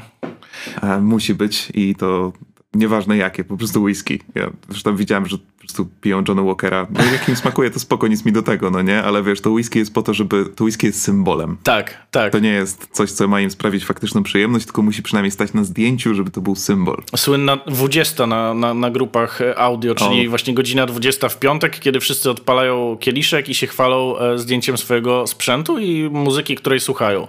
W ogóle właśnie w grupach... Yy, takich audiofilskich, ale ja też, e, to, to, to jest charakterystyczna cecha dla, dla bardzo wielu grup y, pasjonatów. Jest bardzo silna przy, y, jakby potrzeba przynależności do grupy i potrzeba y, jakby posiadania jakby swojego, swojej pozycji, jakby umacniania swojej pozycji na, w grupie. I to, I to się właśnie jakby objawia w tym, o czym mówisz. Tutaj oczywiście to w pewien sposób uogólniłeś, że tam ludzie wrzucają swój sprzęt i tak dalej. No ale... Tak, no jakby nie ma w tym nic złego, żeby pochwalić się sprzętem. Oczywiście, że nie ma. Oczywiście, że nie ma. Zresztą też e, po to są te grupy, żeby, żeby dyskutować o różnego rodzaju sprzęcie, o muzyce i tak dalej. Chociaż mm, tematów muzycznych e, zazwyczaj tam jest e, niewiele. I no cóż, no jakby wrzucając zdjęcia swojego sprzętu, swojego zestawu audio, który jest, ma tam jakieś właśnie drogie komponenty, czy jakieś takie mało znane, no zyskuje się ten, ten status w grupie. No ja jestem tym guru, teraz słuchajcie mnie i jak ja coś powiem, że tam ten kabel to gra, no to mnie słuchajcie, bo, bo ja wiem, bo ja słuchałem. Mam takiego swojego ulubieńca audiofilskiego, e, który ma naprawdę drogi tam sprzęt. Kiedyś tam googlowałem jego zestaw, to było jakieś tam, no myślę, że przynajmniej 30-40 tysięcy w to włożył. A, to jeszcze nie tak drogo. No wiem, wiem, ale jakby dla przeciętnego zjadacza chleba wpakowanie takiej ilości pieniędzy w sprzęt to jest już naprawdę mhm. no, coś niewyobrażalnego. No w każdym razie za tym sprzętem jest po prostu goła ściana, obok jest meblościanka. Z tego co widziałem z niektórych zdjęć, to jego pokój ogólnie jest taki otwarty, więc mhm. jakby ten dźwięk lata jak chce. No ale w którymś momencie poczynił adaptację akustyczną i po prostu dał tą taką najtańszą pomarańczową piankę z Allegro, takie te stożki. Aha, i też, A, i też na oko. Za kolumnami. Po prostu za kolumnami sobie to nakleił, takie dwa pasy i już. No, zrobione. Gdzieś tam, gdzieś tam e, oglądałem wykład e, pewnego akustyka, który, który właśnie się ogłasza bardzo często w tych, w tych grupach i on faktycznie mówił, że taki, taką najprostszą adaptacją akustyczną jest wstawienie, e, wstawienie elementu tłumiącego za kolumny głośnikowe, tylko że on miał raczej na myśli takie panele z wełny mineralnej niż, niż właśnie mm -hmm. taką gąbkę. No ale to jest właśnie to, to o czym mówiłem, że, że, że, że, ta adaptacja, jeśli już, to na oko. I to jest duży błąd, no bo jeżeli ktoś faktycznie jest takim pasjonatem, to, to powinien się tym zainteresować. Szczególnie, że taka, koszt takiej profesjonalnej adaptacji z pomiarami e, w porównaniu do kosztu takiego sprzętu, to powiedziałbym, że to jest 10%. Nawet, nawet nie, nawet bym powiedział, no że mniej. No, że często te pieniądze wydane na jeden kabel mogą mu zaadaptować i zmienić ten dźwięk, poprawić o 20%, gdzie kabel poprawi o 0, tutaj gwiazdka, 0 obiektywne. Subiektywnie to może być 10%, nie wiem, może 15%. No, ale często priorytety mają e, w zupełnie innych miejscach niż powinny być tak naprawdę z jakiegoś racjonalnego punktu widzenia. Znaczy już jeszcze tutaj abstrahując od sprzętu, to bardzo wiele mitów narosło wokół, e, wokół tego segmentu audio i tutaj właśnie taki E, taka adaptacja na oko jest jednym z przykładów, e, może nie takich mitów, no ale są setki. Ja, ja, staram się też e, jakby walczyć z tymi, z tymi mitami, pokazując, że to nie ma sensu, testując, tak jak właśnie z mit Zielonego Flamastra, który, o którym kiedyś, kiedyś robiłem film, czy, czy, czy mit polegający na tym, że nie wiem, że bezpiecznik w sprzęcie audio powinien być, jeżeli wymieniasz, to powinien być o rząd wielkości większy niż gdzieś tam e, w instrukcji urządzenia, co jest w ogóle niebezpieczne, no ale okay. bo, bo, bo, możesz, możesz jakby nie, nie tyle nawet porażenie prądem wywołać, co, e, co spalić sobie mieszkanie, no ale są e, instrukcje i te instrukcje są udostępniane przez sprzedawców sprzętu audio, które wyraźnie mówią, żeby włożyć właśnie bezpiecznik o większej jakby wartości niż, niż nominalna ta e, zalecana przez producenta. I myślę, że takie mity są dużo groźniejsze niż to, że ktoś sobie właśnie postawi e, jakby marną adaptację akustyczną. Ja sam nie mam jakiejś, e, jakiejś tam cudownej, tak, tak naprawdę dopiero, dopiero się przymierzam do tego, żeby sobie właśnie zmierzyć jakby odbicia i tak dalej w, w tym pokoju, w którym, w którym słucham i dopiero mm. myśleć o jakiejś adaptacji, no ale no właśnie, no, te, te mity są bardzo szkodliwe. Tak jak mówię, to może nawet kogoś życie kosztować. No ja też e, widziałem, ja nie byłem pewien do końca, czy to był troll, czy, czy ktoś faktycznie to zrobił, ale a ktoś po prostu wyjął bezpieczniki ze swojej instalacji w mieszkaniu i zastąpił je po prostu czymś tak, wiesz, no na sztywno spięte powiedzmy. E, drutem. Bo twierdził, że mu to poprawiło, no nie? No właśnie, drutem czy czymkolwiek. Tak, no, ja, ja znam tę osobę. To mógł tam nawet gwoździa wstawić. Tak, ja znam tę osobę i to niestety była, e, to jest autentyk. To jest, to jest audiofil taki już naprawdę, który odsłuchiwał, wiesz, e, płyty CDR, czym się różnią, w sensie modele, nie? Że verbatim mu lepiej brzmiało od e, jakiejś tam Philipsa. Także to już jest tak, to, to, to był autentyk. I, i to, to jest bardzo szkodliwe, bo y, tu chodzi o to, że takie bezpieczniki się faktycznie sprzedaje, ale one są jakby, to jest część y, bezpiecznika elektronicznego, czyli jakby do skrzynki sobie pakujesz, y, pakujesz taki srebrny czy tam miedziany drut, który ci nie wybije pod żadnym napięciem, Natomiast do sprzętu, y, który jest podłączony do tej linii, wpinasz sobie bezpiecznik elektroniczny, który sobie właśnie ustawiasz gdzieś tam na jakieś parametry. Problem w tym, że ten, y, ten ktoś no, tego elektronicznego bezpiecznika nie wpiął. On po prostu właśnie wpiął y, te pręty, czym po prostu jakby unieszkodliwił bezpiecznik. No, no w, w, przypadku przepięcia prądowego to niestety może go porazić. Pal licho jeszcze jego, no bo to sobie pewnie zdaje sprawę z tego, że, że, że jest takie ryzyko, no ale jeżeli się tam jakieś dziecko będzie e, bawiło, czy, czy nie daj Boże jakaś, no. E, kto, ktoś tam będzie sprzątał i nieświadomie go prąd porazi, no to jest e, straszne. Mhm. No i tak samo po prostu może wybuchnąć pożar w tym miejscu, gdzie wpiął ten drut, albo w jakimś innym, gdzie no, będzie spięcie i po prostu się nagrzeje i w końcu zapali. Tak, tak, tak, niestety. No bezpieczniki są, e, są bardzo ważne, także jeżeli nie znacie się na tym, nie wymieniajcie bezpieczników, ja, ja was proszę. E, w sprzęcie audio właśnie jest też taki, taki mit, już wyjaśnię dlaczego właśnie audiofilskie bezpie bezpieczniki. Mm, że twój sprzęt gra tak jak najsłabszy e, komponent. komponent. No, a bezpieczniki to są bardzo proste w konstrukcji. Niestety szklana Tubka tam czasami jest e, kwarc, tam czasami jest taki cienki, e, cienki miedziany drucik. No i ten miedziany drucik to wiadomo tworzy takie wrażenie, że no jak prąd może przez to płynąć? No jednak, no on ma swoją jakby E, zupełnie, inną, zupełnie inne przeznaczenie. To jest element ochronny i no, on nie ma w żadnym wypadku wpływu na brzmienie sprzętu audio. No ale przyjęło się właśnie, że no, mo można kupić bezpiecznik za kilkaset złotych. Widziałem za 400, za, za, za 600 złotych bezpieczniki. Mhm. Jeśli ktoś to wymienia na, na, taki sam, e, jak ma w sprzęcie, droga wolna. W sensie właśnie yy, parametrów elektrycznych. Ale jeżeli właśnie stwarza takie za, zagrożenie, no to już jest e, rzecz karygodna. No tak, weszliśmy na takie cięższe tematy, ale w sumie może dla rozluźnienia chciałem zarzucić, jakby przejść do takich gadżetów, które są już absolutnie absurdalne. No i w sumie pozostając w temacie prądu, mhm. bo jeden z moich ulubionych postów z ostatnich miesięcy to był zdecydowanie pan, który wrzucił, że kupił sobie gniazdko pewnej znanej japońskiej firmy, która produkuje sprzęty dla audiofilii. Ach, Furutech. No i teraz e, tak i to była obudowa gniazdka konkretnie. To nie był bezpiecznik, to nie, był, to nie była puszka, nic takiego. To było po prostu taka plastikowa, no właśnie nie plastikowa, bo tam niby materiały są wiele bardziej zaawansowane. Tak, taka jest ładna karbonowa faktura na tym, więc wygląda premium. Trzeba przyznać, że audiofilskie sprzęty bardzo często mają bardzo ładny design, taki by się kojarzyło jako aplowski. Mhm. No ale teraz pytanie, jak bardzo e, obudowa e, gniazdka może wpływać na dźwięk? Nie wiem. Natomiast pan się pochwalił, że takową kupił. A żeby nie skłamać, ale no jeżeli skłamie to nieintencjonalnie, to było, była kwota rzędu 700 czy 1000 złotych za, za taką obudowę gniazdka. No i jakby wrzucił, pochwalił się, że ma. No i to jeszcze, tak jak mówiłem wcześniej, chwalenie się sprzętem to jeszcze nie jest nic, y, nic złego.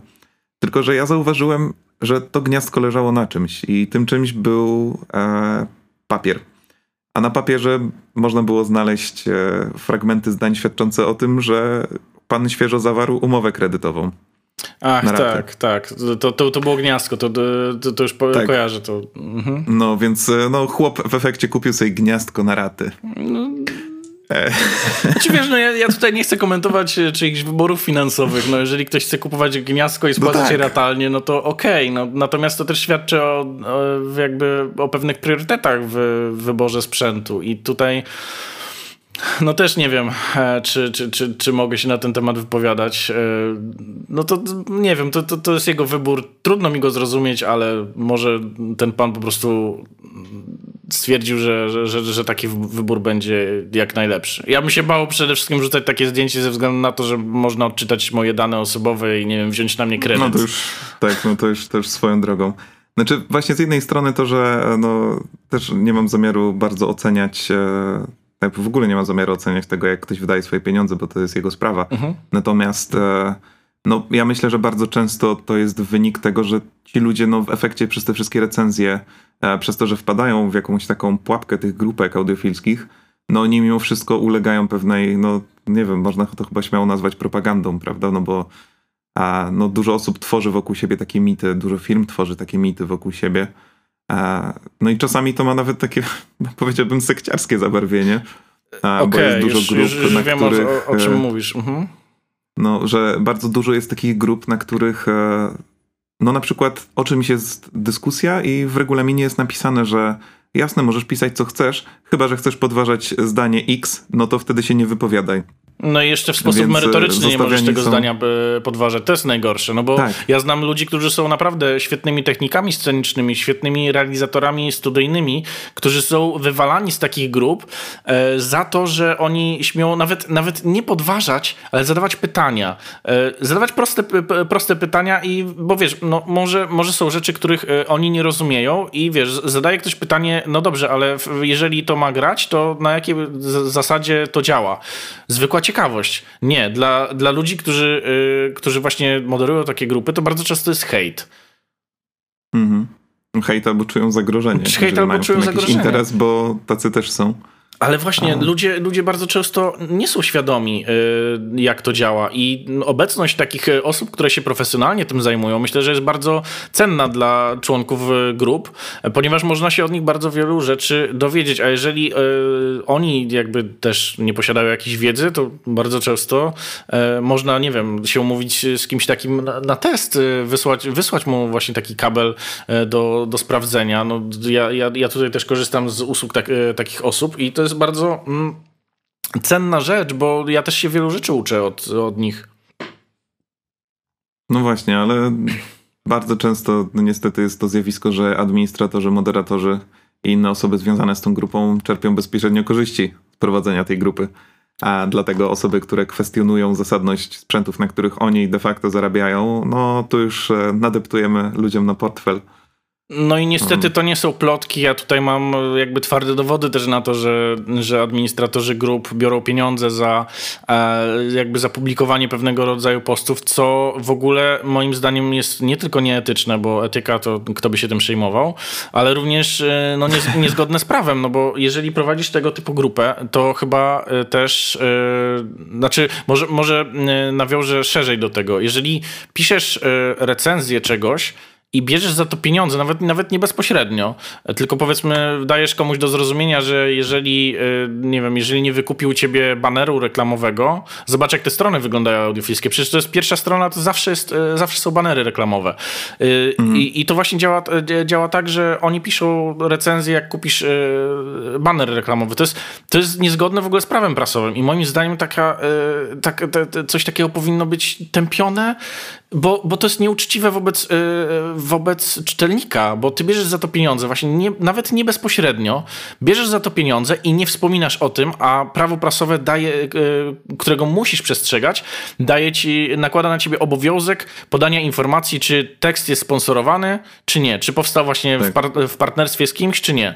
I to jest właśnie bardzo nieuczciwe i to właśnie prowadzi do takich y, zachowań, o których sam mówiłeś, właśnie, że ktoś y, czując presję, nie wiem, środowiska, może wziąć właśnie właśnie takie gniazdko na raty. No, kiedy właśnie nie ma, nie ma na to powiedzmy przeznaczonych jakichś tam środków, no ale czuję po mm. prostu taką presję, że, że musi. Ja zresztą tego pana znam, który, który to gniazdko kupował, bo ten pan e, kiedyś pożyczał mi e, do testu, bardzo miły jest zresztą, to ja tutaj go pozdrawiam, jeśli to słucha, e, pożyczał mi płytki Holfi do, do, do testu, także to też jest... Mm -hmm też jest taki pan, który już ma duże, powiedziałbym, audiofilskie doświadczenie. No właśnie, no płytki Holfi, tak? Jak to się nazywało? Holfi? tak, czy... Holfi. Holfi the A, Magician. Okay. Tak, no właśnie, jest też kwestia tego sprzętu, który się do niczego nie podłącza, ani nie ma funkcji akustycznych. Och. No, czyli przeróżnego rodzaju płyty marmurowe, e, podkładki, E, o ile jeszcze antywibracyjne podgłośniki mogą mieć jakiś wpływ, o tyle mm. wątpię, że wpływ ma na przykład podkładka pod wzmacniacz tranzystorowy. No tak, no, to ale... jest ta, ta płytka Holvi, ja tutaj może wyjaśnię, to jest, y, to jest płytka drukowana, która jest zadrukowana z jednej strony, z drugiej strony ma po prostu, no ona jest dziurawa, e, z drugiej strony ma jakiś tam wzorek.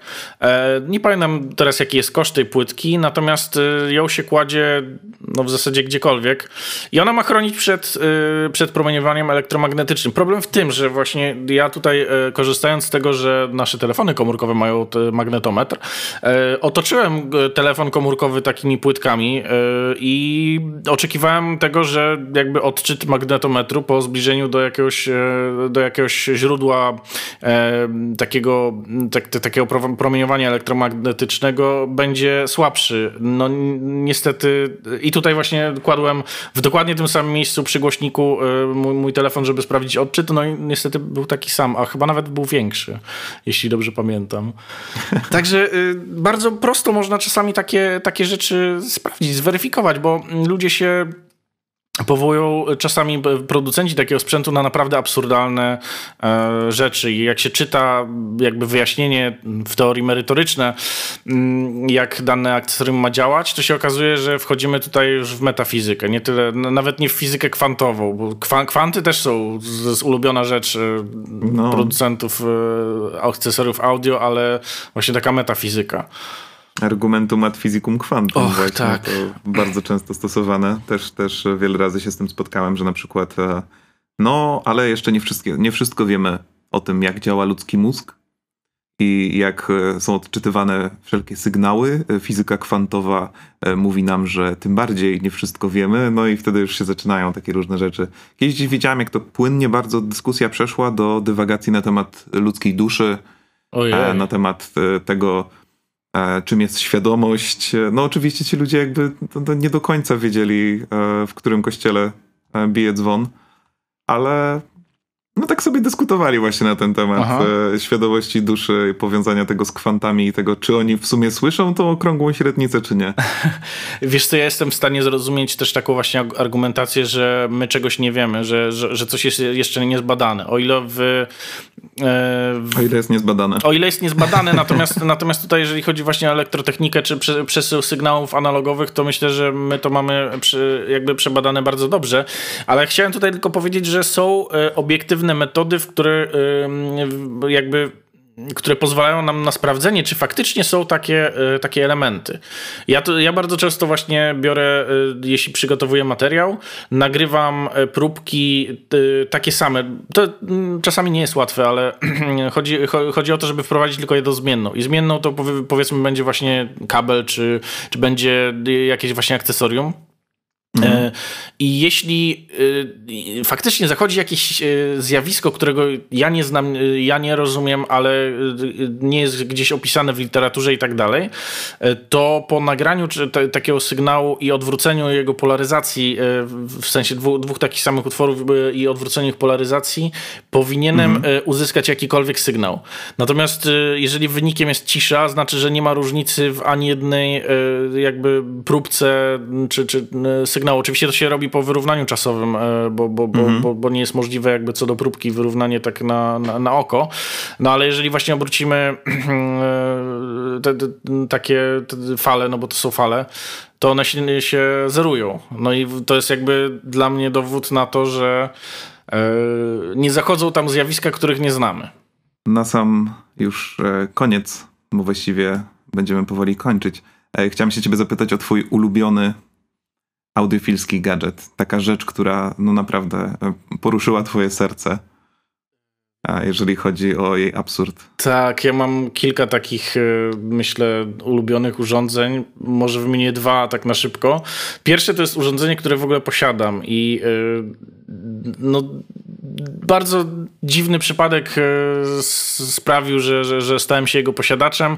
Wysłał mi je sam twórca i to jest kamień Obscurum który kładzie się, no, no, jest to strasznie dziwny kamień, y, w kształcie no, ludzkich odchodów powiedzmy, który kładzie się na wzmacniaczu, na, na, na sprzęcie audio i nie wiadomo co to robi, ale robi, że brzmi lepiej. No, jest to... Mm, jest to... jeszcze jakieś kryształki ma. Tak, tak? ma tam jakieś kryształki, to, to, to, działa na tej zasadzie, to jest y, bodajże kwarc i jakaś tam specjalna formulacja, formuła tych, y, tych, tych kryształów, natomiast no, to, teoria jest taka, jak ja rozmawiałem z twórcą, że, że ten kwarc ma wygaszać wibracje i e, jest to dosyć absurdalne, bo żeby właśnie kwarc Kwarc ma jakby właściwości piezoelektryczne, tylko że te właściwości piezoelektryczne, czyli właśnie możemy wprawić go w wibrację, jeśli przepuścimy przez niego jakieś tam napięcie, e, no, no jakiś tam prąd przez niego przepuścimy. E, I tak działają różnego rodzaju zegary kwarcowe, no bo możemy jakby tak wie, wiemy z jaką częstotliwością ten, ten kwart będzie, będzie wibrował. E, natomiast jeżeli uznajemy, że e, taki produkt posiada właśnie właściwości piezoelektryczne, jeżeli nie przepuszczamy przez niego prądu, no to jest to trochę dziwne. To jest tak jak, trochę tak, jakby położyć filtr do wody obok y, kranu. No i mówić, że on filtruje wodę. No to, jest, to jest porównanie, które właśnie jeden z. Y, Jedna z osób, która pomagała mi testować e, ten sprzęt, e, zrobiła, no, ono mi się strasznie spodobało i ja właśnie od tego czasu tak mówię. Drugie mm. moje ulubione akcesorium e, to jest litewska firma Leslos. Zrobiła coś takiego jak Black Body. I to jest urządzenie, które wygląda jak taki zegar, taki budzik powiedziałbym, bez wskazówek i jak sama nazwa wskazuje, Black Body jest ono czarne. I twórcy argumentują, że jest to, jest to urządzenie, które jest ciałem niemal idealnie czarnym.